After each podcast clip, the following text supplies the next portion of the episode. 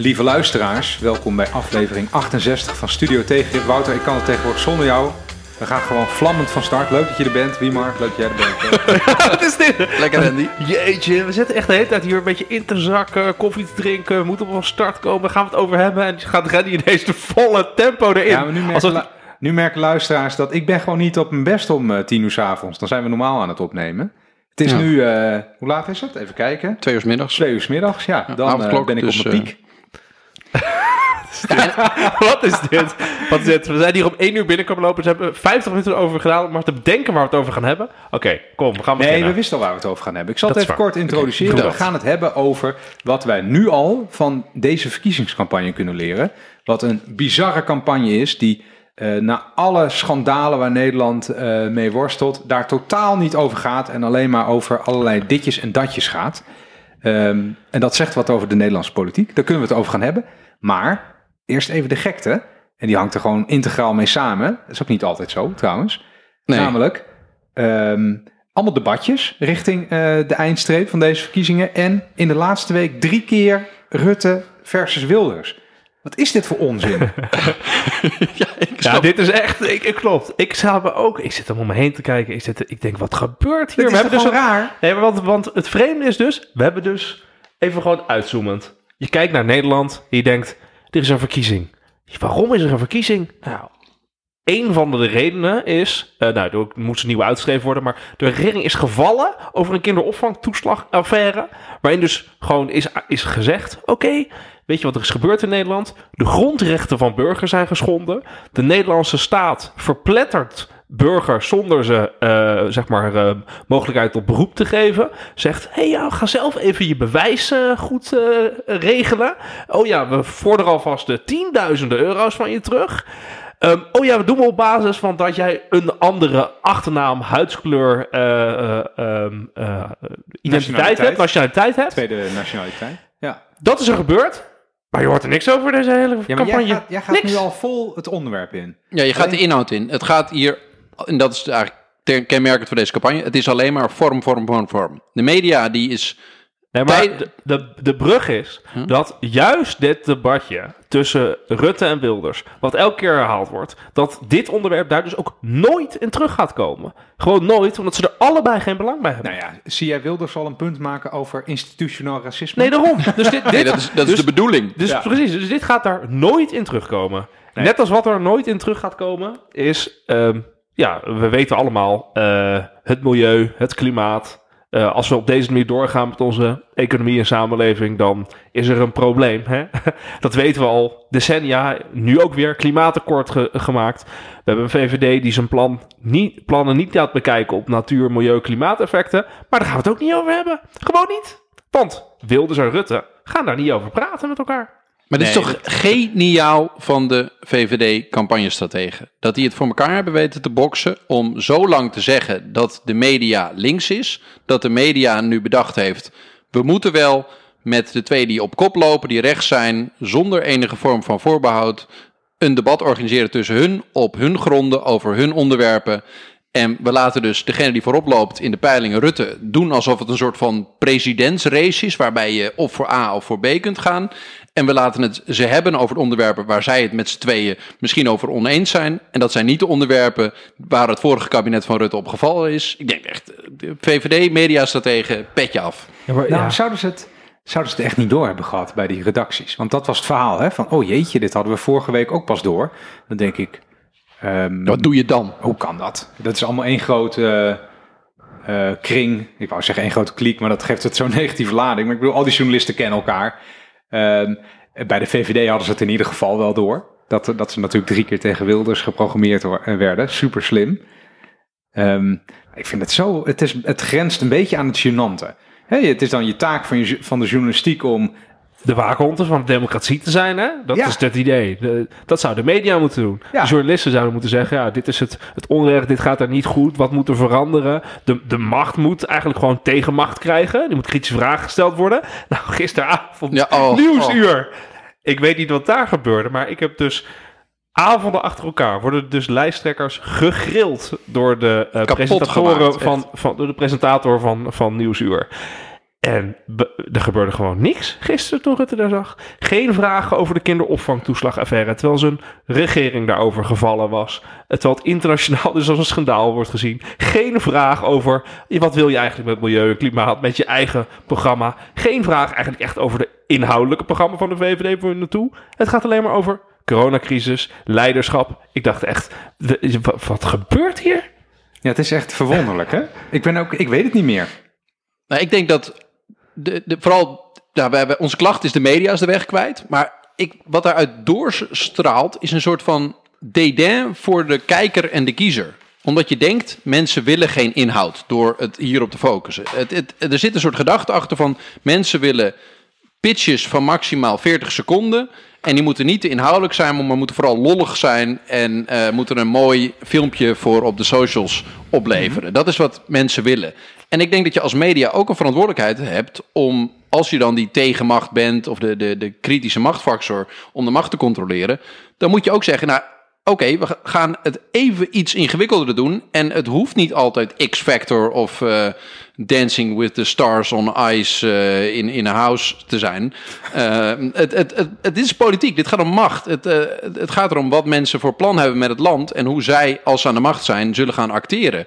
Ja, maar ik vind het dus bijzonder dat de enige persoon die dus in de afgelopen maanden het Rutte moeilijk heeft gemaakt op nationale tv die- of op de radio, is die mevrouw die dus gemangeld is in de kinderopvangtoeslagaffaire. Alleen dus een hele doodnormale burger die gewoon door de overheid gepakt is, die krijgt het voor elkaar om het Rutte moeilijk te maken. En de lijsttrekkers van andere partijen niet, de journalisten lukt het niet. Dat is toch, dat is toch Nou, vreemd? weet je wat? Ja, ik heb, ik heb hier ook in mijn hand, eh, jullie zien dat natuurlijk, maar voor de kijker thuis, de luisteraar, pardon. De gekte gaat nu naadloos over in gewoon waar we het over willen Ja, hebben. dat, ik merkte dat meteen bij het allereerste wat Wiemar zei, was het meteen al gewoon hup in het hoofdonderwerp. de campagne. Ik heb vanochtend even het boek van Pieter Omzicht gelezen, of ook gisteren en vanochtend. Het is echt goed. ja. Nou ja, weet je, we, we zijn altijd super kritisch hier natuurlijk, anders heb je ook niks, eh, niks te podcasten. Dit is, dit is waar het nu om gaat in Nederland. Hij beschrijft die. eh, ik was even bang dat dat een ego-document zou worden, want ehm, ik lees wel vaker dit soort boekjes. En eh, ik weet niet of mensen de, de, de, de kaft een beetje hè, in, gedachten hebben, maar dan zie je omzicht eh, een beetje visionair tegen de zon inkijken. Er staat een beetje wind in zijn haar. En ik dacht, oh god, is het weer zo'n, is een soort, wordt het een soort, nou, ver- je kent het wel eens, hè? Een beetje zo'n verhaaltje van hoe ik tot, eh, tot al deze inzichten... Barack. Obama verhaal. Ja, eh, dat soort dingen.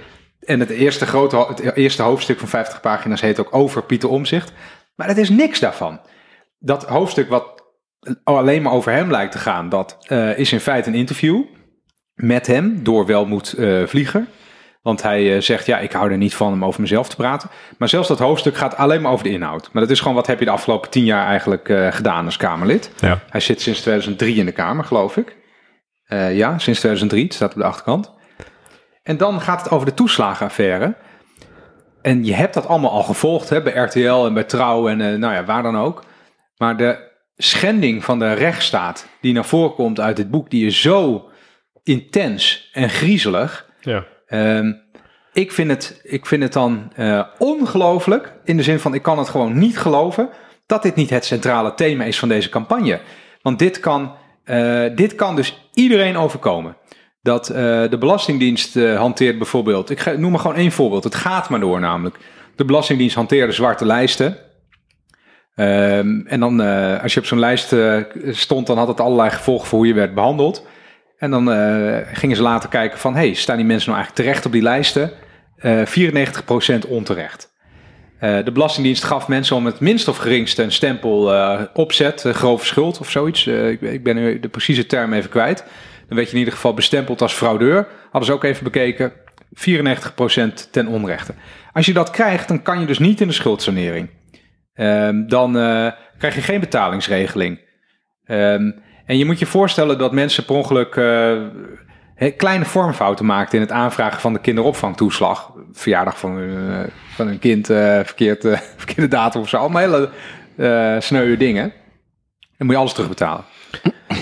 ja, Dan moet je 20.000 euro terug Ja, maar nu gaan we het opnieuw over de kinderopvang. Nee, maar wat zegt wat, is, wat zegt Wat dit? zegt dit over de campagne? Nou, wat zegt het over de ja, campagne? Dat is de Ja, vraag. Ik ben Ja. helemaal vol van dit boek. Ja, ja, dat snap de ik, dat sport snap ik. meteen. Je bent een beetje Pieter Omzicht aan het doen. Die loopt ook altijd zo helemaal leeg opeens.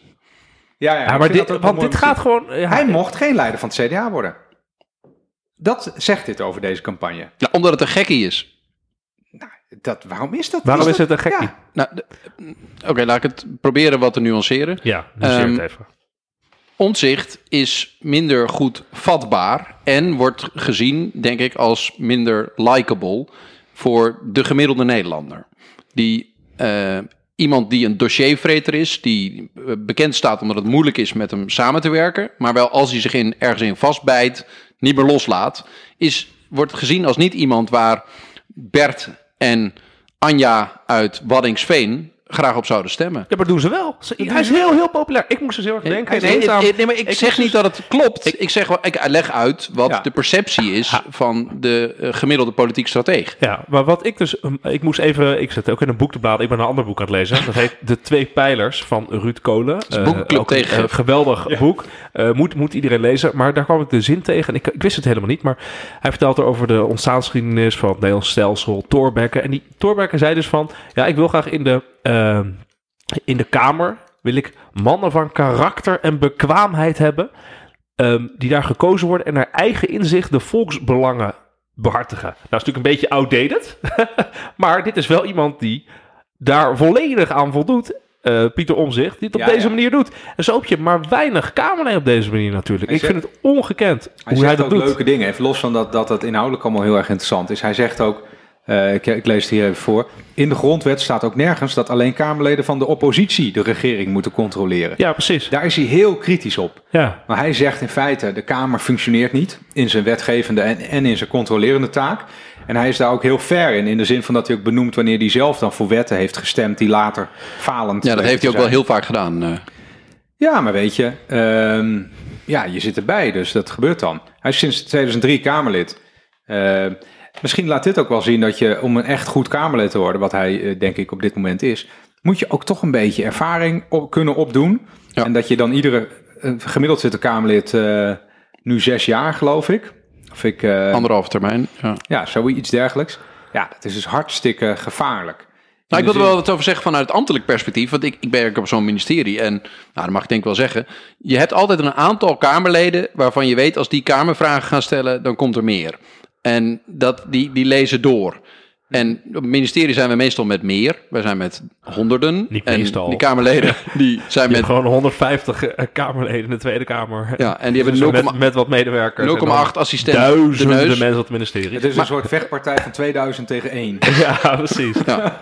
Maar wij, wij- als, we, als we bij Kamervragen hebben van Pieter Omzicht, weten we vaak van, ja, shit, die heeft het waarschijnlijk allemaal gelezen. En die eh, is er weer nachten door zitten halen om uit te zoeken hoe het echt zit. Ehm, we moeten even goed ons best doen om met een gedegen antwoord te komen. Dat denk je bij andere Kamerleden niet.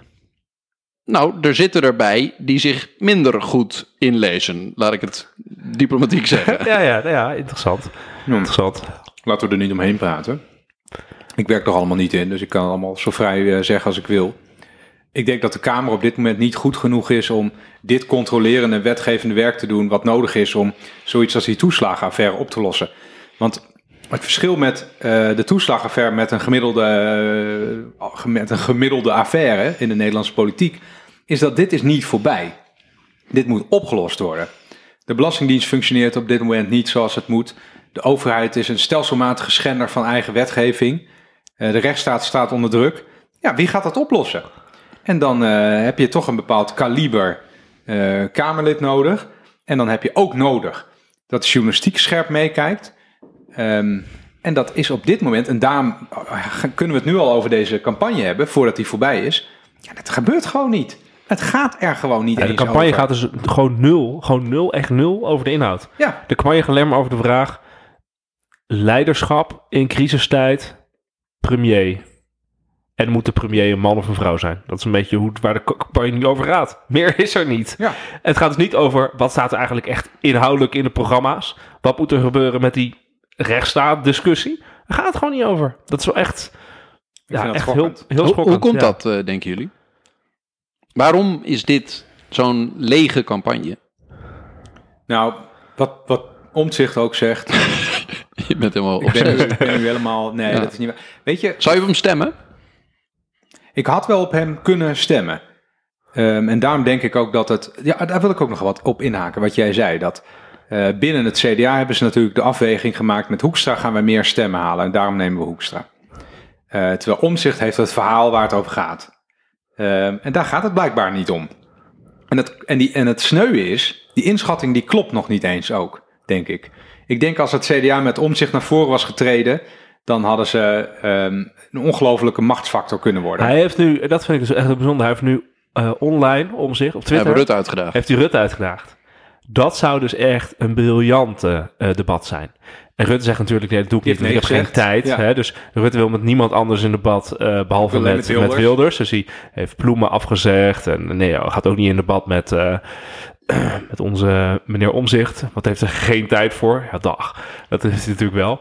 Ehm, maar dat zou echt een briljante, briljante eh, debat gaan. Wat echt over de inhoud gaat. Maar inderdaad, hij gaat liever met Wilders discussiëren. Wat Ja, kan het hebben over eh, premierschap. En wel of niet weglopen bij het Katselahuis. En over Ja. eh, moslims. Daar kan je lekker over discussiëren. Dat is een beetje hoe het dan moet. De vorige keer deed hij dat met Thierry. Nou, precies dezelfde manier. Als de, een beetje de antipopulist. Ja, dat is eh, hoe Maar die wat, zich wil wat zegt dit nou, jongens? Want die- we kunnen er eh, eh, op blijven klagen dat er inhoud mist, campagne leeg is. Wat zegt dit? Dit zegt dat de problemen waar Nederland voor staat, en dan bedoel ik, eh, heb ik nu met name die schendingen van de rechtsstaat door de overheid in gedachten, dat die niet opgelost gaan worden de komende vier jaar. Omdat het vereist dat je eerst een maatschappelijk debat hebt daarover. In campagnetijd is het moment om het daarover te hebben. En het gebeurt gewoon niet. Het Nederlandse journaal vindt het niet interessant. Die maken een inschatting dat als we lekker wat eh, lijsttrekkers gaan eh, grillen bij Nieuwsuur. Of we, zetten een soort boksring neer bij Pauw. En dan laten we ze tegen elkaar eh, eh, praten in eh, drie rondes. Dat is allemaal interessanter dan... eh, hè, allemaal, we duwen ze in allemaal achterlijke formatjes... waarbij ze op knopjes moeten drukken... en eh, een pitch van 40 seconden moeten houden. Dat vinden we allemaal interessanter dan de thema's waar we echt voor staan. Ja, omdat, maar dat is ook precies goed hoe je zegt. Want de vraag van de journalist is ook, ook eigenlijk... kan de lijsttrekker de grill aan? Ja. Dus kan, de- is Ja. de lijsttrekker de hij persoonlijkheid... staan als ik Blijft hij doen? of zij staan terwijl, die, eh, op, terwijl de grill wordt aangezet? Dat is de belangrijkste vraag. En niet Ja. de inhoudsvraag. Die, die is niet belangrijk. Waar wil je eigenlijk heen met je partij, partijprogramma voor het land? Hè? Dat, dat, die vraag komt eigenlijk niet, eh, komt eigenlijk niet naar voren. Ehm, je ziet het nu natuurlijk ook... Ja, dat, dat, dat, dat omzicht, of, eh, omzicht doet natuurlijk die debatten wel, eh, zou het inderdaad briljant doen. Hoekstra is wel echt er heel hard doorheen aan het zak hoor. Mag het daar nog wel even over hebben? Oh jeetje, Ja, die dat is wel debatten is wel echt pijnlijk hoor. Ik geniet Dat wel van de- die... dat ik vind als- hem wel de verpersoonlijking op sommige... Dat ene debat waar hij echt een stotter was van, van die leegheid. Van, ja, ik heb nog niet echt een plan of zo. We moeten gewoon eh, doorpakken. En ja, waar, waar naartoe dan door? Ja, dat, dat, dat, dat weet ik eigenlijk ook niet. En dan Ja. Beetje lullenpotten. vanochtend dus in de krant, stond dus, kop, McKinsey op zoek naar reputatieherstel. Dat was de kop van de krant. dacht ik, nou, dat heeft Hoekstra herstel gedaan dan. nou ja, oké, dat vond ik, eh, vond ik even leuk. En, maar het is dus wel pijnlijk om te zien dat hij de cijfertjes niet doorheeft. En ook qua inhoud gewoon echt eh, de plank mislaat. Met zijn, we gaan even de, de WW-duur naar één jaar verkorten. Dat is ongeveer wel het enige inhoudelijke waar het echt over gegaan is. Hè? Eh, de- de- dat mensen dat dus niet willen, blijkbaar. En dat dat ineens in de verkiezing, doorrekening van het verkiezingsprogramma komt te Hoe kon staan. dat nou gebeuren dan? Want dat stond gewoon in die commissie Borslap, eh, die eh, wij ook wel eens hier besproken Ja. hebben. Ja, maar stond dus niet voorstel. heel duidelijk in het CDA-verkiezingsprogramma. En dan Ja, ineens wordt het dan heel duidelijk concreet in de doorrekening. Ja, en dan is het een inconsistentie en kunnen er wel eens hele grote discussies eh, over ontstaan. Maar dat is toch fijn dat af en toe het even inhoudelijk wordt en dat boven komt. Van, oh, ja, maar het gaat dus alleen over de vraag... eh inderdaad, kan je blijven staan als lijsttrekker als je onder vuur ligt en ben je consistent? En het, het, het grotere, en als je zo'n fout maakt, dan wordt op afgerekend. Maar je grotere verhaal, waar wil ik heen met Nederland? Daar gaat het niet over. Zeg maar, positief, waar wil je naartoe? Het gaat alleen over eh, de, de negatieve vraag, eigenlijk. Ja, ik, vind, ik, heb, ik heb niet al die eh, dingen van Nieuwsuur gezien. Iemand die eh, noemde dat ook echt een, een liquidatie. Ja, dat is wel elke keer, dat is wel een poging tot liquidatie. Behalve bij Rutte, heel bijzonder. Ja, ik heb, ik heb die van Klaver gezien. Ehm, Kaag was ook helemaal... Kaag. Vooral Klaver, dat was echt... die werd daar gewoon afgemaakt. En eh, Hoekstra, die heb ik ook gezien daar, die werd ook afgemaakt. denk is dit dan hoe je journalistiek wil bedrijven? Want je komt ook helemaal niet dichter bij de vraag van waar staat een partij en waar staat een persoon nou voor. Het is meer van, hé, hey, we hebben hier drie mensen uitgezocht die uh, hebben een ongelofelijke gruwelijk hekel aan uw partij. En die gaan we nu even op u laten vuren. Dat is gewoon het concept. Ja. En dan hebben ze nog iemand die geeft een soort PowerPoint met alles wat je ooit fout hebt gedaan. ja, ja, ja. Sorry, maar, sorry zeggen voor alles wat je ooit fout gedaan hebt. Maar aan het einde mag je wel aangeven met wie je een kabinet wil. En dan zegt de Wollaars, uh, de tijdsom. maar wat, wat ik wel kenmerkend vind, is dat, dat de journalistiek doet precies wat die mediastrategen van de partijen verwachten dat ze gaan doen. En ik denk juist dat je um, mensen ontzettend kunt verrassen als je het opeens super inhoudelijk gaat maken. Als je opeens met, met die luisteraars gaat spreken over wat is uw plan voor Nederland over vijf jaar, over tien jaar. Wat hebben we dan veranderd? Waar moeten we nu dingen voor in gang zetten om structureel een andere kant op te gaan? Wat is uw plan rondom mm de, de, de sociale verhoudingen in ons land, rondom de, de, de sociale ongelijkheid, rondom uh, ja. transitie van onze economie? Uh, volgens mij kun je ze heel erg verrassen om echt door te vragen van wat is nou, eh, hoe, zie, hoe ligt ons land er over tien jaar bij? omdat we afnemen, omdat tien jaar lang was het verboden om, om, om dat soort visies te hebben, om, om daarover na te denken. En, en als we nu, we zitten nu um, ja, in de grootste crisis sinds de Tweede Wereldoorlog en nou ja, de boel zal op de schop moeten, dan moeten we het hebben over hoe de boel op de schop moet. Um, of dit wordt een verkiezing die we heel snel gaan herhalen, omdat hetgeen eruit komt uh, niet lang gaat volhouden. En in de tussentijd moeten we het heel erg gaan hebben over hoe de bol op de schop moet. Uh, ja. Omdat we dat dit keer vergeten zijn. Ja, ja, ik, zat, ik, zat, ook een beetje te denken van, als wij nu nieuwsuur waren, hè, wat zouden we het dan over willen hebben? Dan zou ik, als ik dan met Hoekstra zou zitten, zou ik zeggen, nou, meneer Hoekstra, ik heb het boek van Pieter Omzicht gelezen. Pieter Omzicht die zegt met zoveel woorden dat de de Nederlandse overheid, uh, of de rechtsstaat, is niet in staat geweest om Nederlandse burgers te beschermen tegen de macht van de Belastingdienst. De Tweede Kamer is niet in staat geweest om de regering te controleren. De regering en de journalistiek heeft ook het niet doorgehad. Nee, en de journalistiek, dat, uh, ik, ben, ik ben van de journalistiek, wij, wij konden dat ook niet. Um, wat gaat u daaraan doen de komende vier jaar? Hè, uw partijgenoot die, uh, heeft een leidende uh, rol daarin. Um, hoe Doorpakken. ziet u dat voor zich? Ja, dat zijn goede vragen. Ja. Ik ben wel benieuwd wat hij zegt. Uh, want uh, het gaat er niet over, hè? En, en als jij het zo zegt, is dat natuurlijk een hele logische vraag ja. om aan lijsttrekkers te stellen. Ja. We hebben net het grootste schandaal in tientallen jaren de, bij de Nederlandse overheid gehad. Uw partijgenoot heeft daar, heeft daar een rol in een boek Hoe gaan we dat oplossen? We doen? Geen vraag. Want Omtzigt pleit bijvoorbeeld voor een grondwettelijk hof. Want die zegt, ja, als de Tweede Kamer niet goed de, erin slaagt wet aan de grondwet te toetsen... dan moeten burgers ergens hun recht kunnen halen. Anders uh, is er geen sprake van een rechtsstaat. Nou, kan je over discussiëren, maar dit is zijn voorstel. Nou, vindt het CDA ja. dat eigenlijk? Ja, en dan Geen idee. op die redactie waar jij dan werkt, Randy, op de redactie van uh, Nieuwsuur Tegengif, zou dan een discussie zijn. Uh, luister Randy, naar zomergasten kijken 500.000 mensen max. Dat is niet genoeg. Wij willen quotes halen. Dit schiet niet op. Hier kijken alleen maar mensen met een WO-diploma naar. we gaan door. vraag maar met wie die wil samenwerken en wie die uitsluit voor een kabinet. Nou, ik denk dat het nog veel erger is. Kijk, Nieuwsuur is natuurlijk anders. Maar als je daar dan zegt van... Hey, uh, Frits, kun jij dit boek even lezen? Want uh, hè, Hoekstra die komt er hier over twee dagen. Ik heb geen tijd. En dan zegt Frits, ja, maar ik, ik, moet, ik moet ook nog vannacht in de kroeg werken, want ik loop hier alleen maar stage. ik zeg, oké, okay, uh, ja, zo gaat dat. De kroeg is dicht. ja, de kroeg is dicht. Maar ik bedoel, nieuwsredacties draaien natuurlijk op stagiairs. Nee, maar weet je, soms is er zoiets van dat je het niet simpel mag maken. Waarom functioneert de journalistiek niet? Ja, daar, lo daar, lopen alleen maar stagiairs rond. Waarom functioneert de Kamer niet? Ja, gemiddeld Kamerlid heeft één medewerker en die, dat is iemand van 23. Uh, eh, die weten helemaal nog niet hoe Den Haag uh, werkt. Ja, het is natuurlijk, het, uiteindelijk is gewoon wat hier speelt, is dat de tegenmacht is gewoon uitgekleed. Ja. De media heeft gewoon te weinig middelen om goed kritisch te kunnen zijn. Hè? De Kamerleden en de medewerkers zijn ook te klein. Dat is uiteindelijk wat er aan de hand is. Dus eigenlijk raakt het een beetje aan wat uh, dat boekje van Kolen en wat van, van Omzicht allebei wel zeggen. Is dat er een te grote macht is gekomen bij de technocratie. Bij de, de, de, de overheid als, als geheel, waar, waar al heel veel honderden mensen werken. En dat de, de belangrijke instituten van onze maatschappij, de controlerende macht, de, de, de media als, als luizende pels, dat, dat daar de capaciteit niet meer zit. En daardoor we een hol debat voeren over wat we met ons land willen gaan doen. En, en de grote mammoetanker die de overheid is buldert voort. Ja, Eh, dat is dus een op wel gemene koers. deler in al die de boeken. Dus eh, Pieter Omzicht met het boek, nou, Ruud Kolen, met het boek Twee Pijlers. eh, Wim Voermans met het boek Het Land Moet Bestuurd Worden. is ook een mooi boek, kan ik iedereen aanraden.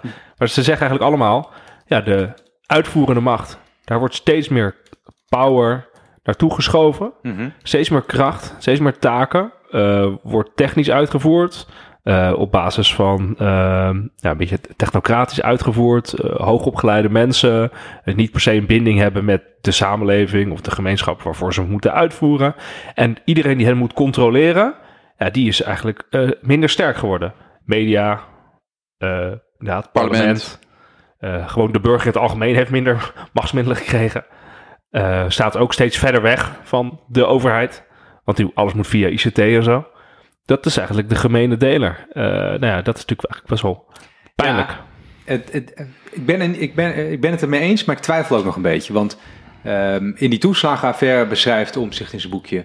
en dat, dat heb je ook me- meegekregen... dat de rekenkamer en de ombudsman... die hebben best in een vroeg stadium Ja. gewaarschuwd. En dat zijn ook serieuze instituten met eh, capaciteit. En daar werd niet naar geluisterd. Dus dat doet me twijfelen. En aan de andere kant ben ik het ermee eens... want wat eh Omzicht ook beschrijft, heel interessant... er werken in politiek, of in ambtelijk Den Haag... werken er iets van 700 voorlichters... Maar er werken maar 100 mensen bij de adviesraden. Ehm, zoiets. Dus die verhouding is totaal eh, scheef. En wat zegt dat? dat die, die, verhouding? Want hoe, hoe moet je nou, dat is precies meer, er, er wordt meer geïnvesteerd als het gaat om FTE. Eh, in het eh, beschermen en stutten van de macht. dan in het eh, kritisch nadenken over Ja, ja, ja. deze vraagstukken. Ja, de dat hoor je ook vaak eh, als kritiek eh, op de ministeries. Dat er heel veel tijd gaat in het, maar maar zo te zeggen, het verdedigen van het eigen beleid. Of het rationaliseren van het eigen beleid. En dat er minder tijd gaat zitten in... Over nadenken. Hè? Na, over nadenken. Eh, nou, Ja, dat er heel veel, eh, zowel menskracht, maar ook cognitieve kracht gaat zitten in hoe, ver- hoe verdedigen we eh, het beleid waar we mee bezig zijn. En Ja. minder in de vraag, hoe moet het beter? Wat zou er anders moeten? Dat is Ja, een, ja, ja. Nou ja, dat En is wat een, hij ook nog beschrijft, vind ik ook wel interessant. ehm, dat heel veel ehm, zogenaamde belangenbeha- belangenbehartigende clubs. de Patiëntenfederatie was laatst geloof ik ook eh, op Follow the Money op die manier in de aandacht. Krijgen subsidie van de ministeries. eh, waar tegenover zij de belangen van hun achterban Mhm. eh, nominaal zouden moeten verdedigen. Ja. moet ze anders betalen? Nou ja, dan kan je. Nou ja, eh, omzicht zegt goede doelen geld. Want anders. en dan moet je dan maar fiscaal aantrekkelijk maken of zo. Nou ja, jullie weten, ik werk dan bij Edes, hè. eh, belangenbehartigend voor de sociale huur. Die worden betaald door woningcorporaties. Eh, niet, door, niet door de overheid. En dan, dan is het wel. Ik had er nog nooit zo over nagedacht. Maar dan ben je dus natuurlijk vrij om, eh, vrijer om daadwerkelijk die belangen te behartigen. Maar als jij ondertussen een subsidie... Hij noemt ook voorbeelden, hè? Dus als jij een subsidierelatie hebt met het, met het ministerie... waar jij op dat moment kritiek op hebt... En hij beschrijft, en misschien is dat ook Ja, de ik, ben er, ik ben er toch minder eh, negatief over. Want ik denk, het is ook gewoon zo dat het heel... Het is gewoon geaccepteerd dat er publiek geld wordt vrijgemaakt voor de rechterlijke macht. Die kritisch moet kijken naar of overheidsbeleid goed gaat. Het is heel normaal dat er collectief geld macht. wordt... Ja, Ja, collectief geld wordt gema- vrijgemaakt voor eh, ook de media, publieke omroep. Het is ook heel gewoon dat je eh, geld vrij zou maken, kunnen maken voor inderdaad adviesraden, denktanks, universiteiten. Je kan natuurlijk, het is- ik, je kan niet zeggen van oké, het, het heeft ermee te maken dat de, de tegenmacht, dat dat eigenlijk allemaal uit de staatsruif heeft. Nee, dat nee, vind nee, ik maar dat is helemaal niet wat hij te kort zegt. de bocht. Eh, jij hebt het over gefinancierd worden uit publieke middelen, zoals Ja. de rechterlijke macht. Hij heeft het over een subsidierelatie die bijvoorbeeld ieder jaar of iedere twee jaar herzien wordt. Ja, ja, ja. Dus dan zit je Mhm. aan tafel met dezelfde mensen die bepalen of jij volgend jaar nog werk hebt, eh, die je moet bekritiseren. ja. Ja, dan is het toch de hand waar je, hoe gaat dat spreekwoord ook weer? ja, ja, ja, nee, De hand in je voet. eh. Dan moet je niet bijten of zoiets. Hey, ik wil ook nog even naar... ehm Wiemar, jouw eh, expertise zit er ook in om te kijken naar eh, hoe de inhoud wel in elkaar zit. Dat is een beetje... Jij werkt aan een universiteit en niet op een ministerie. Eh, en je hebt al die CPB-doorrekeningen een beetje doorgeakkerd. En wat me heel erg opviel in het stukje... Je had een stukje geschreven op eh, stuk rood vlees. Een stukje op stuk rood vlees. Ehm, en daarin beschrijf je eigenlijk dat bijna alle partijen... die overheid die we nu beschrijven... weer groter willen maken. Dus wat wij zojuist beschrijven als een, eh, nou ja, dat, dat er heel veel vertrouwen is komen te liggen bij de collectieve sector. Ehm, en dat daar weinig tegenmacht tegen is. Dat, dat is niet echt een discussiepunt in de programma's van die partijen. Als je kijkt naar hoe ze hun middelen allokeren. Of begrijp ik het dan verkeerd? Nou, wat heel fascinerend is, is in die, in die eh, programma's, is dat je echt een enorme omslag ziet in financieel-economisch denken. Dus alle partijen zeggen nu, de overheid moet groter. Wat ze eigenlijk nooit zeggen. En ze zeggen ook, we moeten weer ambtenaren hebben. De zorg moet groter. Uh, we moeten de belastingen op bedrijven en op, op, op winst en op vermogen enorm verhogen. Er moet meer geld naar onderwijs. Dus je ziet een enorme verandering. Dat wil iedereen van ongeveer. Het, ja, bijna wel. Van opzichte van het verleden. Want vroeger was het altijd dat er duidelijk was dat er bepaalde partijen dat die minder ambtenaren wilden, bijvoorbeeld. Nu ineens zie je een vergroting. Dat heeft natuurlijk heel erg mee te maken wel met discussies over... kan de overheid nog uitvoeren? Dus moet je geld naar de uitvoeringsorganisaties brengen? Moet er niet meer geld naar de zorg, die door de coronacrisis? Um, maar het, het, gaat breder, want je ziet ook dat... Uh, partijen nu ineens met elkaar zeggen: Nou, laten we de economie heel erg stutten. Want het is een verschrikkelijke crisis. Dat zie je eigenlijk in de afgelopen 35 jaar. Zag je dat nooit. Eigenlijk zei de Nederlandse partijprogramma's zeiden eigenlijk altijd... Lonenmatige. Uh, we zeiden altijd, het is crisistijd, we moeten bezuinigen, lonenmatige, de overheidsfinanciën moeten op orde. En nu ineens is het echt wat ze noemen heel duidelijk anticyclisch begrotingsbeleid. Voor het eerste keer sinds 1986 ongeveer, in die programma's. Dus dat is wel, uh, wel heel fascinerend om te zien. En heel duidelijk een soort correctie of zo van ja, we moeten toch wel uh, bedrijven veel meer gaan belasten. Is dat dan niet de reden dat de campagne leeg gaan belasten? Nee, waarom is dan de campagne leeg? Want je ziet een enorme verandering in het financieel-economisch denken. Wel met heel veel variatie tussen partijen. Dus linkse partijen willen daarin veel verder gaan dan de rechtse partijen bijvoorbeeld. Een enorme spreiding tussen wat partijen willen. Het is een beetje alsof, het, alsof we denken over wat zou je met de Nederlandse economie en de Nederlandse overheid moeten doen. Is totaal vrij weer. Maar daar hebben we geen debat over. Het debat gaat over de vraag: ja, wie is de beste leider nu op dit moment? Terwijl uh, als je inhoudelijk economisch naar die programma's kijkt, is het zo een verandering. Hoe kijk jij nou naar, jij bent, jij bent hier de echte grote expert op dit punt. Hoe kijk jij nou naar die omslag? Want die omslag die lijkt wel zo groot, dat ik haast weer de andere kant op ga hangen. Dat ik denk van jongens, op een gegeven moment uh, moet je ook weer wel aan de rijksbegroting gaan denken. Ja. Niet alles kan. Uh, en daar lijkt het nu dan een beetje op. Hè? Oh ja, laten we nog een steunfonds doen en nog een uh, steunpakket dit en uh, hup. Ja, wat, wat heel erg opvalt is dat als jij dus... ik heb dus voor mijn proefschrift onderzoek gedaan naar de doorrekeningen van verkiezingsprogramma's. Het Centraal Planbureau. Het zijn allemaal financieel-economische staatjes. Ja. Wat dan altijd opvalt bij elke verkiezing weer... is dat eigenlijk alle partijen dezelfde kant op gaan. Dus je ziet ze of allemaal extra geld bij de overheid neerzetten... of juist allemaal bezuinigen. Of ja, dus er is een soort consensus-idee bij de, bij de partijen... Uh, van uh, nu is dit het algemene beeld en we gaan hier met z'n allen naartoe. En er is wel verschil tussen partijen van ik ben links of ik ben rechts. Uh, en dan is er wat, ik wil bijna zeggen, nuanceverschil op de, de koers. Maar je ziet de mammoetdenker gaat echt dezelfde kant op. Dat is, dus, dat is dus echt heel opmerkelijk. Dat er wat net over macht en tegenmacht er zijn heel veel mensen die denken, ja, in Nederland is het toch zo dat politieke partijen dat die heel erg verschillen van meningen. En ze willen toch echt heel wat anders. Ja, er zijn dingen om uit te niet, kiezen. Uh, maar je ziet eigenlijk per verkiezing dat, al, dat, dat in ieder geval het grote denken, de grote lijn, gaat altijd dezelfde kant op. Uh, dat grappige. Uh, en dat is echt heel grappig om, om te zien, maar ook wel zorgelijk natuurlijk. Hè. Dus nu gaan we met. Dus tien jaar geleden zijn we allemaal tegen elkaar. We gaan met z'n allen bezuinigen, bezuinigen, bezuinigen. Dat was in 2010. Vooral trouwens in 2012 het idee van we moeten echt de overheidsfinanciën moeten orde. En alle Rutte-kabinetten met 50 miljard euro bezuinigen. En iedereen die daar achteraan heeft gelopen van de wat meer uh, regerings- of ja, salonvege partijen, zeg maar. Die zijn allemaal achteraan gelopen. En nu ineens zie jij uh, in deze doorrekening dat iedereen zegt: we moeten geld uitgeven. Nou, ik, uh, ik ben nog oud genoeg om te weten dat je ongeveer een half land verraden was als je niet vond dat er stevig bezuinigd moest worden. Ja. En dat zijn nu programma's waarvan iedereen zei: hadden we het maar nooit gedaan. Dus dat, is, dat kan heel snel gaan. Ik heb het dan gewoon over 2014 of zoiets. Ja, ja, precies, precies. In de UK grappen ze wel eens dat in Nederland uh, iedere vier in de stembus gaat en dan kiest en dan vervolgens hetzelfde blijft doen. Dus dat, al die partijen zijn het toch eens, vinden ze in de UK. Wij voeren echt debat. Wij hebben echt keuzes. Nederland is gewoon ja, tien partijen die allemaal hetzelfde vinden. Ja, maar dat vind ik ja. dus heel interessant. Nou, het boek dus van, van, in het boek van Wim Voermans met uh, Het land moet toch bestuurd worden. Daar beschrijft hij, dat is gewoon mooi om te zien, van, dat er in Nederland een soort cultuur is van, uh, aangezien we toch uh, gefragmenteerd zijn, veel partijen, verschillende belangen, dat je altijd moet samenwerken, waardoor er een soort neiging is om allemaal maar toch bij elkaar te klonteren en te denken... we gaan die kant op en we, we polderen en consensussen ons er wel uit. Dus er is eigenlijk nooit echt eh, grote discussie voor, voor mogelijk. Je kan jezelf wel buiten die orde plaatsen en kritiek hebben eh, van, Ja, maar van er buiten. ook echt buiten. Maar er zijn ook echt buiten. Ja. De- buiten de orde is ook, niet, is ook een heel begrijpelijke eh, uitleg. Hè? Dat Je doet dan gewoon niet mee. Dat is in Nederland natuurlijk wel wat er aan de hand is.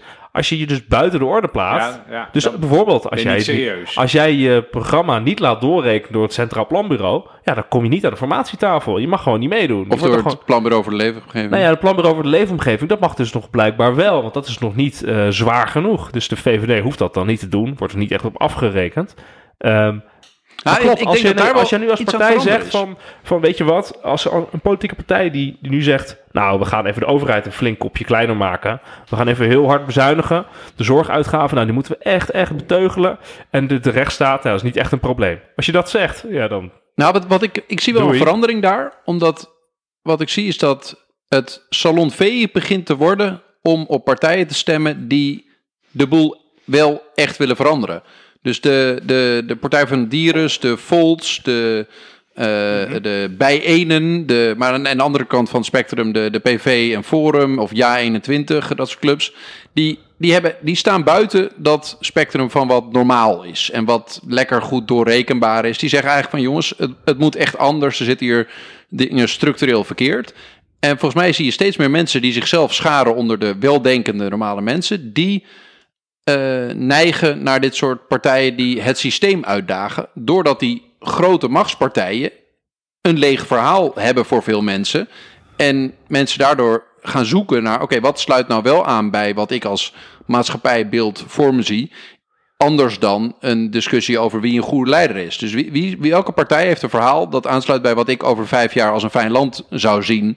En daar begint het steeds meer te worden dat die, die partijen die het laten doorrekenen door het CPB, dat er ook serieuze alternatieven komen voor mensen die, laten we zeggen, niet eh, psychiatrische stoornis Ja, hebben. maar ik ben dus ook, eh, ik ben, ik, ik ben dus heel positief. Hè? Dus zeg maar de fragmentatie en meer partijen. Ik vind het helemaal, geen, ik prachtig. vind het helemaal geen slechte zaak. Het is gewoon een beetje van, oké, we, we vervangen oude ideeën of partijen die te veel op elkaar zijn gaan lijken. Die vervangen we door, eh, door systeemkritiek, door partijen die met iets nieuws komen. Ja, en dat, dat is alleen maar heel erg goed. Dat rekt ook de, de, de oudere partijen weer op in de standpunten. Volgens mij is dat heel gezond. De, dat is het, wel het grote voordeel volgens mij van, Ja, ik van zie- Nederlandse politiek. Ik wil hier ook wel even op inhaken. Want je ziet duidelijk wat Wouter als net eerst even benoemde. Een opmars van partijen die zichzelf buiten de kaders van de status quo plaatsen. Dus de PVV, Forum, Partij voor de Dieren, Bijeen, Volt. Denk, Piratenpartij. Volt, Piratenpartij. Hun aandeel groeit.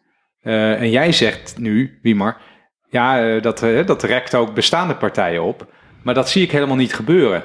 Ik zie bestaande partijen helemaal niet eh, adequaat reageren op die nieuwe uitdagingen die hè, door dit soort eh, uitdagers van de macht op tafel worden gelegd. Ehm, en misschien zie je dat wat meest pregnant bij het CDA. Eh, hoewel ik ook mijn eigen partij, Partij van Arbeid, ook, hoe zeg je dat? Misschien geldt het daar ook wel voor. Dat eh, ze komen helemaal niet verder in die discussies die ze, die blijkbaar maar dooretteren, zoals eh, die over de, de rechtsstaat. Of zoals die over racisme en discriminatie. Dat zijn, gewoon, dat zijn gewoon discussies die al twintig jaar vast liggen. Het feit dat je nu drie keer Wilders Rutte hebt op tv, laat dat misschien ook wel zien. Hè? Van dat, het eerste debat, het voelde ook als iets wat je ook tien jaar geleden had, had dat ook gekund. Ja, eh, veel andere Europese landen grappen ook zo dat naast dat Nederland al ieder vier jaar gaan kiezen en dan weer precies dezelfde dingen gaan doen, eh, maar wel twintig partijen hebben, is dat alles in Nederland vijf jaar later gebeurt. In Vijftig jaar later. zeggen 50 ze jaar. Ja. In, in Frankrijk zijn alle traditionele machtspartijen de afgelopen drie, vier verkiezingen uit elkaar gedonderd. En zijn er opeens immense veranderingen en nieuw opkomende clubs die, die een hele sterke maatschappelijke basis weten te ontwikkelen in een paar jaar ont- ontstaan. In Duitsland zie je dat langzaam nu ook gebeuren, maar dan gaat het ook wat langzamer. In Scandinavische landen zie je, zie je nieuwe partijen opkomen. Ehm, ik denk dat het eigenlijk een gezonde ontwikkeling is in een democratie dat ehm, mensen zich werkelijk gaan afvragen van oké, wat is, hij nou, is nou het middel om dat beeld dat ik van de maatschappij heb, ehm, mij te laten vertegenwoordigen. En dat middel hoeft niet per se te zijn die partij die al 50 jaar bestaat, omdat Ja, mensen het daarin gezellig gewoon- vonden. Het er gewoon mee te maken dat in Nederland, als jij dus met een nieuwe partij komt, ehm, dan mag je dat, word je gewoon niet, dan mag je niet meeregeren als je klein bent. Behalve de LPF, dus de enige die het gelukt is, omdat hij meer dan 20 zetels haalde. Hè? En, uh, dus de, Ja. die mocht dan gelijk 26. meeregeren. Het was niet een eh, briljant succes natuurlijk, maar de alle andere partijen die erin komen, die nieuw zijn, die een ander geluid laten horen, eh, die systeemkritiek hebben, ja, die, die komen gewoon niet in de regering. Hè? PVV, ja, één keer gedoogd, dat was het. Ja, Eh, maar het, bleek. moet nog best wel even lang duren voordat een partij als een Partij voor de Dieren of eh noem het maar op, dat die in de regering komt. DS70. Bedoel, we hebben het nu, ja, we hebben het nu over, Groen- mensen dat we hebben nu Nee, hè? over GroenLinks, die, die misschien aan deze regering mee kan gaan doen. Ik, ik, ja, de- en ChristenUnie heeft natuurlijk eh, dan eh, een keer eh, van buiten, zeg maar, CDA, PvdA, VVD. Ja, het duurde ook best wel lang voordat het D66 een keer echt in de regering mocht, voordat ChristenUnie erin mocht. GroenLinks mag er nu eindelijk pas in. Dat duurt zo lang, dat het gebeurt pas op het moment dat die partijen eigenlijk niet meer systeemkritiek hebben, maar mee in het het systeem, systeem zitten. Dat, dat is een beetje hoe het in Nederland gaat. Dat is ook dat wat, wat, waar ik net over had. Dat je dus in Nederland zegt van ja, we moeten een beetje consensus hebben, polderen, hetzelfde gevoel hebben. Ja, en dan eh, mag je meedoen. Anders sta je buiten de orde. Ik vraag me ook altijd af de gretigheid van veel partijen om toe te treden tot die orde. Die, sna- die snap ik eerlijk gezegd niet zo goed. Het lijkt mij, misschien is dat ook een karakter. Nou ja, maar dat heeft dus te maken met wat jij zegt. Jij zegt de oude partijen reageren niet heftig genoeg of niet, eh, reageren niet op die systeemkritiek van buiten. Hè. Dat Nee. is, eh, als je dat vindt, dan is de enige optie om te veranderen, om een tijdje te zeggen, ik ga meedoen. Dus ik wil uh, worden. Dat is dan wat er gaat gebeuren. Dat zie je dan nu bij GroenLinks gebeuren, bijvoorbeeld. Ja, maar het is net als een... Ik zoek naar de goede, goede vergelijking. Nou, misschien even, eh, dat wat wel grappig is, hoe je met die doorrekeningen kan kijken. Die doorrekeningen zijn dus gewoon... eh, Van het ziet- CPB, Van hè? het Centraal Planbureau zijn dus gewoon verkiezingsprogramma's. Je ziet gewoon wat stellen partijen voor op overheidsfinanciën, op bepaalde uitgaven, op bepaalde belastingen. Op, en je ziet gewoon dat partijen die voor de eerste keer mee gaan doen, die stellen dus hele extreme wijzigingen voor. In de loop van de tijd gaan partijen, gaan die partijen steeds meer op de rest lijken. Ja, ja. Je ziet gewoon de uitslagen minder worden. En als er nieuwe partijen bijkomen, die gaan weer radicale dingen voorstellen. Die afwijken van de status quo. Dus je ziet echt komt dat gewoon... Ja, ik, ik denk dus dat dat ermee te maken heeft dat na een tijdje een systeemkritische partij toch gaat lijken op de, de, de, de, hoe dat? De, De de serieuze of de machtspartij. Ja, de regeringspartij, de machtspartijen. Ehm, ja, dan moet je kritiek van Nou, buiten ik denk dat het heel erg mee te maken heeft dat, je, dat de mensen in die partijen gaan doorhebben hoe de boel werkt. En dan tot de conclusie komen dat als je iets wil veranderen, dat je dan stap voor stap iets verandert. En dat je niet mensen meekrijgt in jouw verandering door de hele tijd te blijven hameren op de hele boel omgooien. Want dat doen we niet in Nederland. In Nederland stellen we de mammoetanker een heel klein beetje bij. En als je net dat juiste eh, knopje weet te raken om, een, om, om twee graden naar links eh, of naar rechts eh, bij te stellen, dan heb je iets bereikt. Maar als jij zegt, nee, we moeten een hele andere kant op, dan Eh, zegt dus je mag "Ja, ben zeggen, gek." ik wil, ik wil een groen vlaggetje op de mammoetanker. Ja. Of ik wil een rood vlaggetje. Maar je mag niet zeggen, kom, we gaan even, we draaien hem om. Nee, dat- dat mag je niet dan zeggen. hoor je er niet bij. Je moet je invechten. ja, precies. Ik, twi- ik, ik twijfel hieraan. Weet je, dat, eh, ik hou altijd niet van verhaaltjes die zo beginnen. Maar na de Tweede Wereldoorlog is een hele nieuwe politieke constellatie ontstaan in Nederland. Eh, met name door de oprichting van de Partij van de Arbeid. En die, eh, die constellatie staat zo zwaar onder druk nu. Ja. Dat, dat er eh 18 partijen kans maken op een zetel, geloof ik. Hè? Eh, en dat die, dat die scheiding tussen de serieuze partijen die aan de machtknoppen mogen zitten. Ja. en de partijen die daar eigenlijk niet bij horen. dat die scheiding eh, onhoudbaar eh, dreigt te worden. Eh, maar zo, we zijn nog niet zo ver, volgens mij. Nee, maar dat heeft er, ik zeg het even heel huiselijk. Eh, Van de drie traditionele partijen is het natuurlijk zo dat VVD is als eigenlijk als enige partij er nu in geslaagd om echt met een nieuw verhaal te komen, afgestemd op de nieuwe kiezer, met ook een eh, verandering in het programma, wat je ook heel duidelijk ziet, en een eh, lijsttrekker die duidelijk meer gewaardeerd wordt. Mhm. Dus de VVD is in staat geweest om echt te veranderen. De vraag Ja. is wel wat gaat gebeuren als Rutte weg is. Hè? Dus is het heel op de, op de persoon. Maar je ziet gewoon bij PvdA en CDA, zie je dat op dit moment eh, in ieder geval nog niet. En je ziet gewoon dat die partijen eh, blijven eh, in ieder geval letterlijk inleven. Omdat de achterban gewoon heel oud is en heel trouw is. En altijd PvdA of CDA heeft gestemd. En dat ook blijven doen. totdat ze er niet meer zijn. En de vraag is dan, wat gaat er gebeuren met nieuwe generaties die stemmen? Eh, nou, dat, dat wordt echt het. Dus die, die- dit kan nog een jaar of 10, 20 doorgaan zo. Ja, ik denk dat het tijdsframe voor, voor de oude Volkspartij om zichzelf opnieuw uit te vinden, dat dat nagenoeg gesloten is. Ehm, Wat bedoel je daarmee? Ja, maar dat, dan een zou, dat zou betekenen, dat zou te betekenen dat alleen VVD het dan nu gered heeft. Ja, maar wat ik, wat ik misschien net probeerde te zeggen, dat ehm, GroenLinks hadden we het al even over, hè? Die kruipen er naartoe dat ze, salon, dat ze aan de knoppen van de ja. macht mogen zitten. En, en dat deed mij denken aan, een, aan een, voor de klassici een tantaluskwelling. Dat je heel dichtbij iets bent, maar dat je het niet kan pakken. Dus je, je lijdt honger Ja. en dan voor je zweeft, zweeft een of andere kippenbout of een of andere biefstuk of zo. En dan, maar als je hem pakt, dan verdwijnt hij. Ja. En dat is het ook een beetje voor GroenLinks. Want ze komen steeds dichter bij de macht nu. Maar je ziet ook dat ze electoraal gewoon, terwijl ze er naartoe bewegen, verdampen. Eh, de Partij voor de Dieren neemt hun positie over. Ze staan in de peilingen nu op eh 10 of 9 zetels of zo. Ja. Ja, op een gegeven moment ben je ook alweer te klein. En ik denk dat het net is als met het Koendersakkoord. Één keer meedoen is ook meteen het einde van de pret. Eh, het, het, is niet, het is niet meant to be. En wat ik net bedoelde met wat ik vertelde, dat er in 1946 ehm, in één keer pff, een Partij van de Arbeid was. Ehm, zo gaat dat. En zo was het ook met Macron. Hè? Die partij die bestond niet. Eh, hoe heet dat? Hoe heet die partij? En Marche. La France en Marche. Eh, Maar dat gebeurt dus wel alleen maar in echte, na een echte crisissituatie. Hè? Dus, nee, waarom? In dit was dus na- eh, was dat toch ook nee, niet, maar, eh, bedoel, maar dat was wel rond na de financiële crisis. We Dus is zitten nu enorme in... heftige... Ja, dus dat zou nu Ja. ook kunnen gebeuren. Maar dus de eer, die- die 1946, dat was denk ik net na de Tweede Wereldoorlog. Maar doe een Dat klopt. eh ja, we hebben toch goed opgelet bij Ja, geschiedenislessen. Ja. Eh, en bij de Ik financiële crisis en daarna en mars. Nou, oké, dat is ook duidelijk dat er dus een, een totaal eh, niet meer geloof in sociaaldemocratie to- toen, dat moment. En nu, ja, de vraag is inderdaad, wat gaat er na de coronacrisis gebeuren? Is dat een, dat, Ja. dat is een goede vraag. Maar ik denk dus dat wat je nu ziet is dat dat stelsel, die, dat piept en kraakt. Hè? De partijen hebben Mhm. weten niet eh, de, de, de grote thema's van nu eh, überhaupt te agenderen. Eh, maar het, het zijn niet die partijen die nu langzaam een beetje groeien. Ik denk dat je in één keer gaat zien, nu komt, staat er een nieuwe werkelijkheid. Ik denk dat vooral, de, wat voor mij een interessante vraag is na deze verkiezingen is, durft, durft men het aan om in, zeg maar, in het landsbestuur echt een keer een, weer een nieuwe partij toe te laten? Dus bijvoorbeeld inderdaad een, een GroenLinks. Ja, maar als je Of een 30 SP. zetels haalt, dan, dan moet Of, het wel. of ja, Partij voor de Dieren. Ja, die kan ze eh, misschien.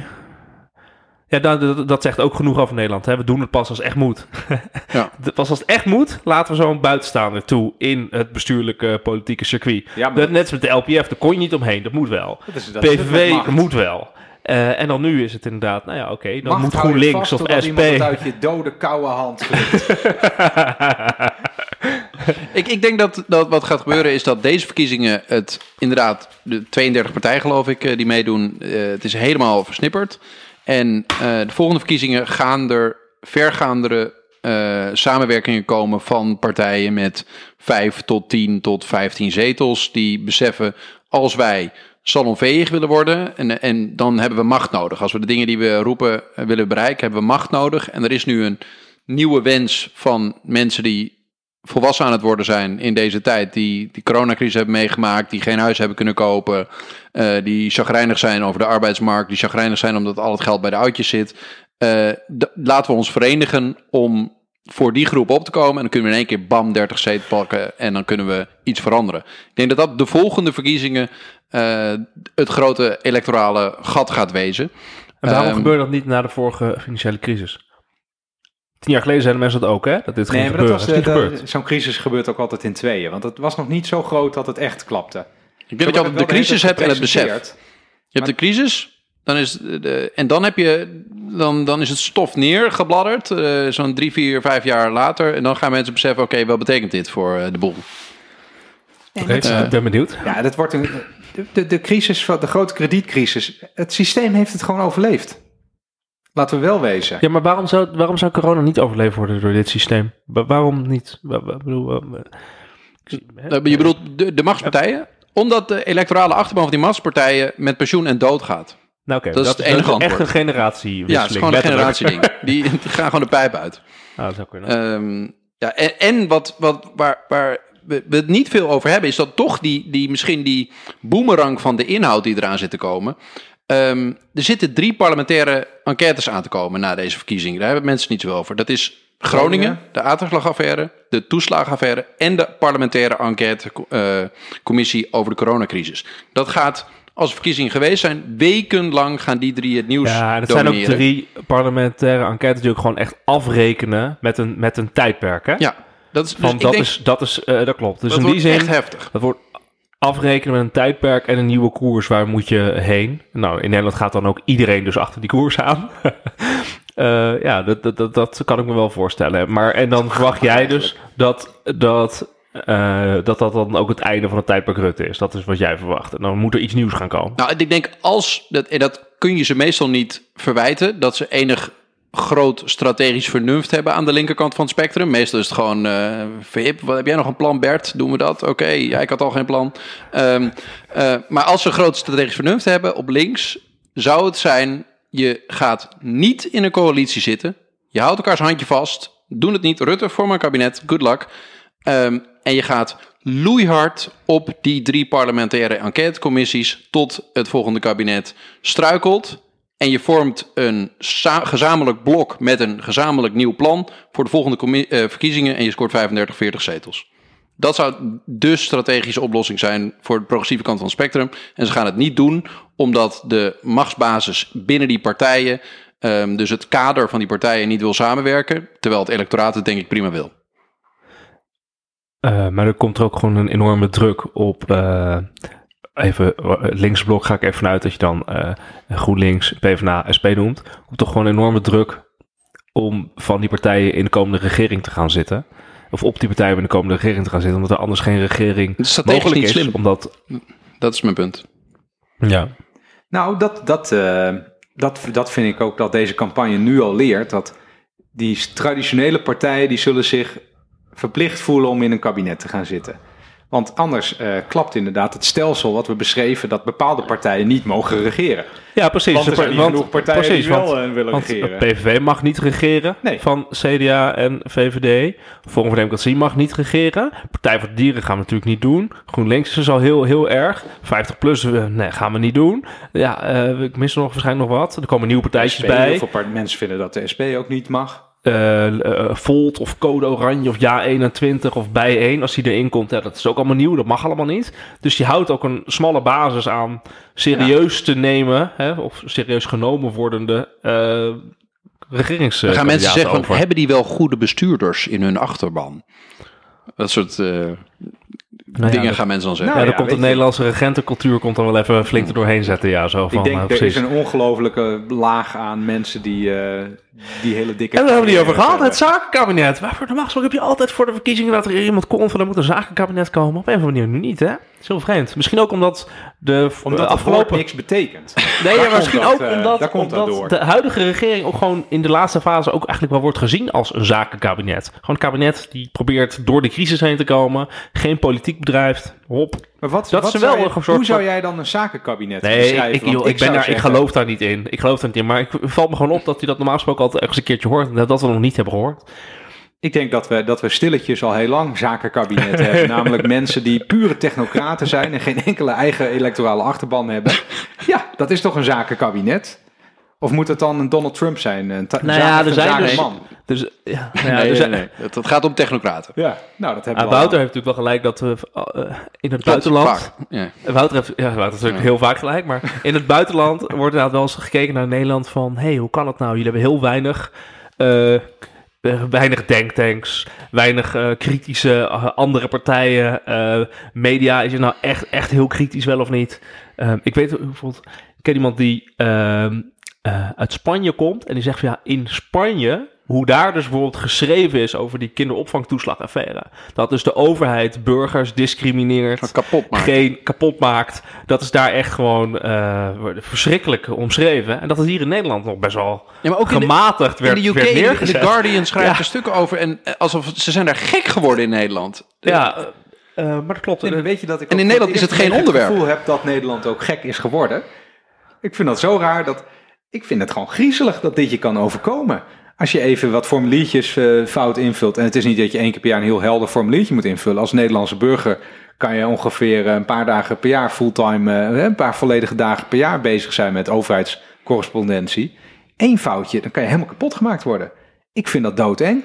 Dat zijn niet. eh, eh, ik kan dat niet verklaren waarom mensen niet denken van jeetje, daar moeten we wat aan doen. Of zullen mensen dan toch denken van ja, zolang je geen, geen gekke achternaam hebt, zit je veilig. Is dat het dan?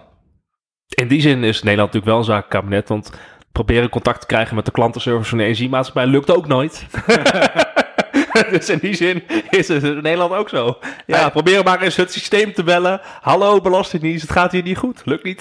Wat me ook nog opviel in het boek, we gaan een beetje van de hak op de tak, maar het komt door corona, omdat we ook niet meer helder kunnen nadenken naar, naar 100.000 uur videobellen. Ehm Omzicht die noemt ook nog dat eh, je hebt van die scores van hoe goed eh, leerlingen op de middelbare school nou eigenlijk echt, eh, welk niveau ze nou eigenlijk hebben. En dan blijkt dat 24% van de 15-jarigen loopt risico op laag, laaggeletterdheid. Laaggeletterdheid, ja. Uh, Analfabetisme eigenlijk dus. Ehm 24 procent.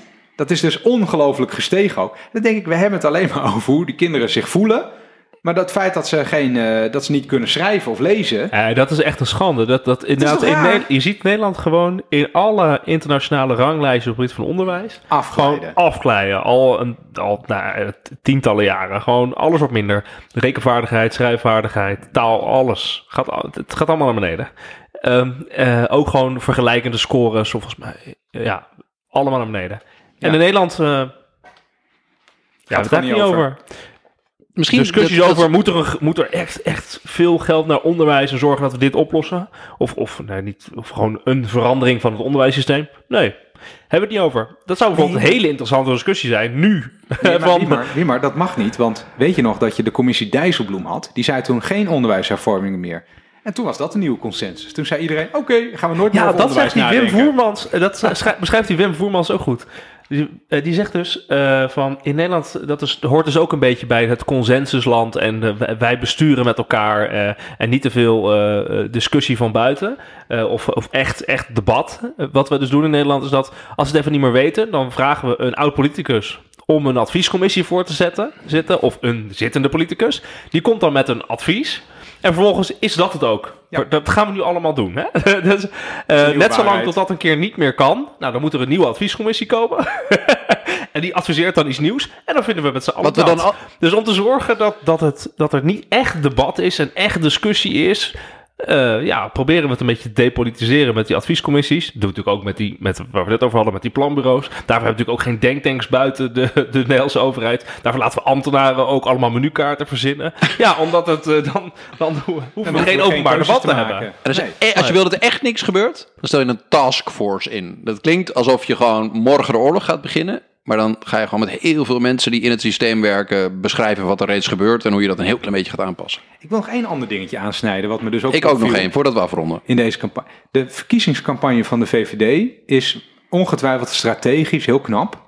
Want eh, het gaat heel goed in elk geval. Maar hebben jullie die spotjes gezien dat je dan mensen met een soort kartonnen Mark Rutte op straat ziet? En Ja. die vraagt, waarom gaat u op Mark Rutte stemmen? Het woord VVD is er al uitgestreept, hè? Ja. Waarom gaat u op Mark Rutte stemmen? Zeggen mensen, ach ja, hij heeft een mooie stropdas. Dat soort dingen. Gewoon totaal... de- Ik vertrouw hem wel. Nul inhoud. Nee, het gewoon een goede vent is. Ja? Ja, het is gewoon goed. Hij kan het goed uitleggen of zo. Dat soort dingen zeggen mensen dan. Ja, precies. Ja, dat, had je dat interview met Rutte gezien? Ik moest zo hard lachen. Interview met Rutte, was wel eens in de Volkskrant of zo. Het ging over inderdaad de posters van de VVD. En dat alleen hij met zijn kop erop staat met zijn eh, kof, een kopje koffie en zijn stropdas en lopen. Eh, Is dat zo? Is me nog helemaal niet opgevallen? Ja, Dat nee, en vooral hij dan van- altijd. Voor- voor- En vooral dat hij dan, zij krijgt de vraag over, wat vind je ervan? Zegt hij zo, ja, er is toch niemand die zo'n poster bekijkt? Nee, nee, natuurlijk niet. Natuurlijk, daarom maakt de VVD posters, hangt er overal in heel Nederland op. Er is niemand die naar die dingen kijkt. Helemaal niemand. Ik vond het fascinerend. Ik vind het... Ik, ja. Hey, ik wil jullie nog even vragen. Ehm, waarom gaan jullie stemmen wat jullie gaan stemmen? Vind ik interessant om als laatste vraag even te Ik worstel jezelf daarmee. Ik heb gewoon drie weken tot de verkiezingen heb ik hoofdpijn omdat ik niet weet wat ik moet gaan stemmen. Ik heb gewoon echt, Ben je echt zwevende fysiek kiezer, last, mee, last van. Zevende kiezer. Dus een vind het zo 30% ingewikkeld. van Nederland zweeft of zo. Nog misschien 50%. Die Ik liggen word er allemaal... misselijk van. Ik ben niet aan het wordt- zweven. Zweven is leuk. Ik ben gewoon echt... mi- Ik vind De het, ik ben een zweten. Ik ben een zwetende zwetende, kiezer. Ik vind het, zwetende echt, kiezer. ik vind het zo ingewikkeld wie ik, wie ik voor de komende tijd mijn, mijn stem geef van... Doe je wel jezelf aan, hè? Dit. dit doe je jezelf aan. Er zijn heel veel mensen in Nederland die Nee, dit helemaal niet moeilijk Dat vinden. doet het land. Wat, wat eh, ja, neem ons mee in de, dit wonderlijke gedachte. Nee, ik wil weten waar jullie het op baseren. Jullie zijn Nou, ik denk redelijk, gewoon, waar redelijk dat het slimme land jongens. heen gaat? Wie heeft een partij met een, een lijsttrekker die ik daarop vertrouw, die een programma heeft die ik erop vertrouw, en een lijst die ik erop vertrouw, en heeft een beetje credibility uit het verleden? En dan ga ik daarop stemmen. Ja, dat verhaal had ik ook kunnen houden. Dat is Nou, dat, zo simpel is het dus, Wouter. Ja, maar dan, heb je, dan blijven er vier over. Dan moet je daar tussen kiezen. Vier? Vier partijen of vier personen. eh, weet ik zoiets. Drie, vier. Ja, en dan doe je A, B, C, D, E, F, G, dobbelsteen gooien, stem. Ja, ik ben dan wel een beetje zwevend. Ik denk dan altijd aan de laatste dag over na, ja. En jij, Reddy? Nou, ik stem altijd eh, Partij van de Arbeid tot nu toe. En het zal ook niet verbazen, aangezien ik nu voorzitter ben van de Partij Ja, van dat je dat- Arbeid, hier, dat ja. ik dat weer... eh, En hoe besluit je op wie je stemt? ik, stem, eh, ik stem gewoon altijd op de beste. Ja. En eh, ik- nou, ik zoek, kijk, als even los van, eh, stel dat, er nu, eh, dat ik helemaal opnieuw zou beginnen. Ik stem op basis van eh, de partij die het beste op kan komen voor wat ik zie als sociale rechtvaardigheid. En dan iemand die daar ook daadwerkelijk een verschil in kan maken. Dus ik, ik ben niet iemand die dan op eh, eh, iemand stemt die eh, dezelfde kleur heeft als ik zelf. Om ons vorige thema nog even erbij te pakken. Of iemand van een bepaald geslacht of wat dan ook. Dat vind ik allemaal onzin. Iemand die, die ook in staat is iets te realiseren. Ja, daar. dat vind ik wel heel belangrijk. Ik staat voor wil alleen maar op iemand stemmen ik het gevoel heb, die kan echt wat veranderen. Ja, anders heeft het ook Dus geen als, zin. het, als er echt een shit uitbreekt, dan blijft hij, dan gaat hij dit doen, zeg maar. En met de waarde, het einddoel wat je zeg maar belangrijk vindt als eh, zelf als kiezer. Ik kies politici zoals voetbalcoaches voetballers kiezen. Wie gaat scoren? Ja, wie kan, eh, wie kan echt wat eh, bereiken op dat veld daar? Weet je wat ik tot nu toe altijd gedaan? Ik heb altijd, als ik gestemd heb, heb ik ook een berichtje gestuurd naar degene op wie ik gestemd heb. Van, Jeetje. met een soort uitleg van, ik heb jou gestemd omdat ik dit en eh, dit. En die, ik heb altijd een reactie teruggekregen. Dat is wel leuk om, eh, om, eh, Stem je op om te één stem krijgen dan? Nee, nee, nee, echt. Wouter, ik snap wel waarom, jij het, waarom je dit voor jou dit heel moeilijk is. Ja. Als je bij iedereen moet bedenken, wat zal ik die persoon schrijven? Ja, ik vind het heel chic, eh, chic om ook mee te geven van... joh, jij, jij zit straks vier jaar in die kamer, je, je, je gaat in de spotlight staan. Eh, wil je dit even onthouden? En eh, ik vind je een toffe peer tot nu toe, of eh, je vindt een topper. En leidt Maar- dat nou ergens maar wat ik- nee, nee, ik Leid wil je, zeggen- schrijf ik wel eens een briefje met dat je volledig teleurgesteld bent na vier jaar? Eh, Dat vind ik zo loos. nee. Ja, doe jij dat? Nee. Natuurlijk niet. dan ik moet schrijf ik sowieso geen briefjes aan mensen of ik ga stemmen. Het hoeft ook niet. Ik mag dat er gewoon doen. Je mag dat is prima. doen wat je Eh, maar wat ik, wat ik wil zeggen is dat... eh, wa- wa- waar, mijn, mijn keuze hangt ook een beetje samen met een soort zelfkritiek. Dat ik niet mensen wil die een beetje dit als een leuke klus zien. Die op zo'n lijst staan. Omdat het gewoon gaaf is. Of omdat ze in een partij naar boven zijn komen stuiteren. Ja, eigenlijk die wat- wat je- iedere dag met een zweep Weet je, wat je bij Omzicht merkt? Die, die is, daar zit een klein steekje los. Die gaat gewoon, die leest tot vier uur in de nacht die dossiers. Die wil snappen hoe die wetten werken. Artikel 6.9. Ja, maar dit is, precies. dit is we hebben het natuurlijk eerder over gehad, wie het tegengeeft. die gaat dat ervoor. die, die leeft daarvoor. Ja, dat heeft Rennie een keer gezegd. Dat soort daarom stemmen mensen op populisten, omdat die gewoon dwars door het systeem heen rammen. De, dat is de reden waarom mensen er Ja, maar ik vind, ik vind Thierry Baudet een debiel. Dat is, dat is gewoon, die is gek. Ja, maar ja, die, ja, die, nee. die, dat is wel iemand die, die, die leeft ervoor. En ik wil niet een, een soort woke Erasmus, eh, eh, drie masters, eh, twee commissies bij de studentenvereniging. eh, die, die, prachtig cv. wel- ehm, en, en ik, ja, nou, nu, nu de volgende stap is dat ik in de Kamer ga zitten. Dat hoort gewoon. En dan ja, ga ik een beetje commissietje financiën, een beetje commissie internationale handel, bla bla bla. Allemaal leuk en aardig. Maar ja, het is nou niet dat ik er wakker van ligt. Het is gewoon Wie ga je gaaf. nou stemmen dan? Maar dat is wel het issue natuurlijk met Pieter Omzicht. Dat van de, zeg maar, de beetje de regeringsachtige partijen... Hè, is hij natuurlijk eigenlijk een van de weinige Kamerleden die zo in elkaar Ja, zitten. die is spot committed. Die is gewoon, die, die, Dat- dat- die droomt dat- dit. Ja, maar ze hebben hem natuurlijk ook al een Dat paar vind keer, ik gaaf. Een paar keer Probeert te- probeer, Ja, dat is ook interessant. af proberen te Je, gooien. sta- hè? je probeert, want mensen die dan die zo in de kamer zijn, die probeert men natuurlijk dan wel eruit te houden. Want dat past niet binnen dat systeem van politieke Ja, die bestuurders. binden niet van, in. We gaan met z'n allen dezelfde kant op. Weet je, we, hè, we Ja, ja. moeten het Dat samen regelen. Niet iemand wel- die echt wat vindt. ja. Ik, ik, Ik denk ook als je op een lijst wil komen bij een partij, dan eh, ben je het meest safe wanneer je eigenlijk vooral procesopvattingen hebt. Ja, ja, ja. Ja? Procesmanagers, Ja. consultants. Dat soort, ik, ik, ik wilde even een shout-out doen naar, naar Mark Brakel. Dat is, dat is nummer zoveel en 30 van GroenLinks. Oh. Maar Oh, dat vind ik een voorbeeld van pot committed zijn. Die gozer zit twee weken lang 24-7 voor het hoofdkantoor van Shell hier in Den Haag. Campagne te voeren. In de kou, in de regen, in, in de sneeuw, in de ellende. Zit hij daar omdat hij eh, gewoon zegt... Hoe, hoe heet hij? Mark Brakel is nummer Mark zoveel en 30 Brakel. van GroenLinks. Waarom heeft hij nog geen aandacht gehad hiervoor? Ik vind Ja, het wel dat, goeie nee, dat wil ik hem dus even geven bij deze. Dus ik we vind moeten dat even zorgen. gaaf. Mark, Brakel, Brakel moet aandacht krijgen, want die zit al twee weken in de kou voor het Shell die zit nu, as we speak, voor het Shell hoofdkantoor hier in Den Haag. Omdat hij zegt, jongens, klimaatverandering is punt nummer één. En als dit niet het punt nummer één wordt, dan is het beste wat ik kan doen. Ik ga voor de lui zitten die het meeste CO2 uitstoten van Nederland. Twee weken lang, vanaf half vijf 's ochtends, als de avondklok klaar is, tot negen uur 's avonds, zit hij daar met zijn broodbakje eh, te zitten. En Met een bord. Dat, maar dat, wat, wat ik wil zeggen is, dat is laten zien dat je het menens is. Dat je er niet zit als carrière stap of wat dan ook. Jij, je gaat ervoor, je bent gewoon, ik zie, dit ik is zie, je ik zie droom. Een beetje bedenkelijk kijken Ja, op dit moment. Ik vind Nou, dat, in dat, misschien stem ik niet op Mark hoor, dat, dat goede kans trouwens. Maar ik, ik vind toch dat dat soort mensen, daar moeten we respect voor hebben. Die, die, Ja, dat die vent die zit daar iedere dag en jij, krijgt, die, jij gaat dan niet eens op hem stemmen ook. probeer je hem nu iets aan te praten? Zo, jij gaat weer terugzeiken. Schandalig. Wouter, waarvoor heb je hem nog geen eten gebracht? Of een warm Nee, ik kop weet warm chocomel? Weet je waar nee, ik, ik, vind ik het een beetje bedenkelijk keek, is... eh, ja, dat is politiek en activisme ook door de war halen. Weet je? Uiteindelijk, je wil Kamerlid worden. eh, en dat betekent dat je de regering controleert en wetten maakt. En dat nog een paar van dat soort dingen.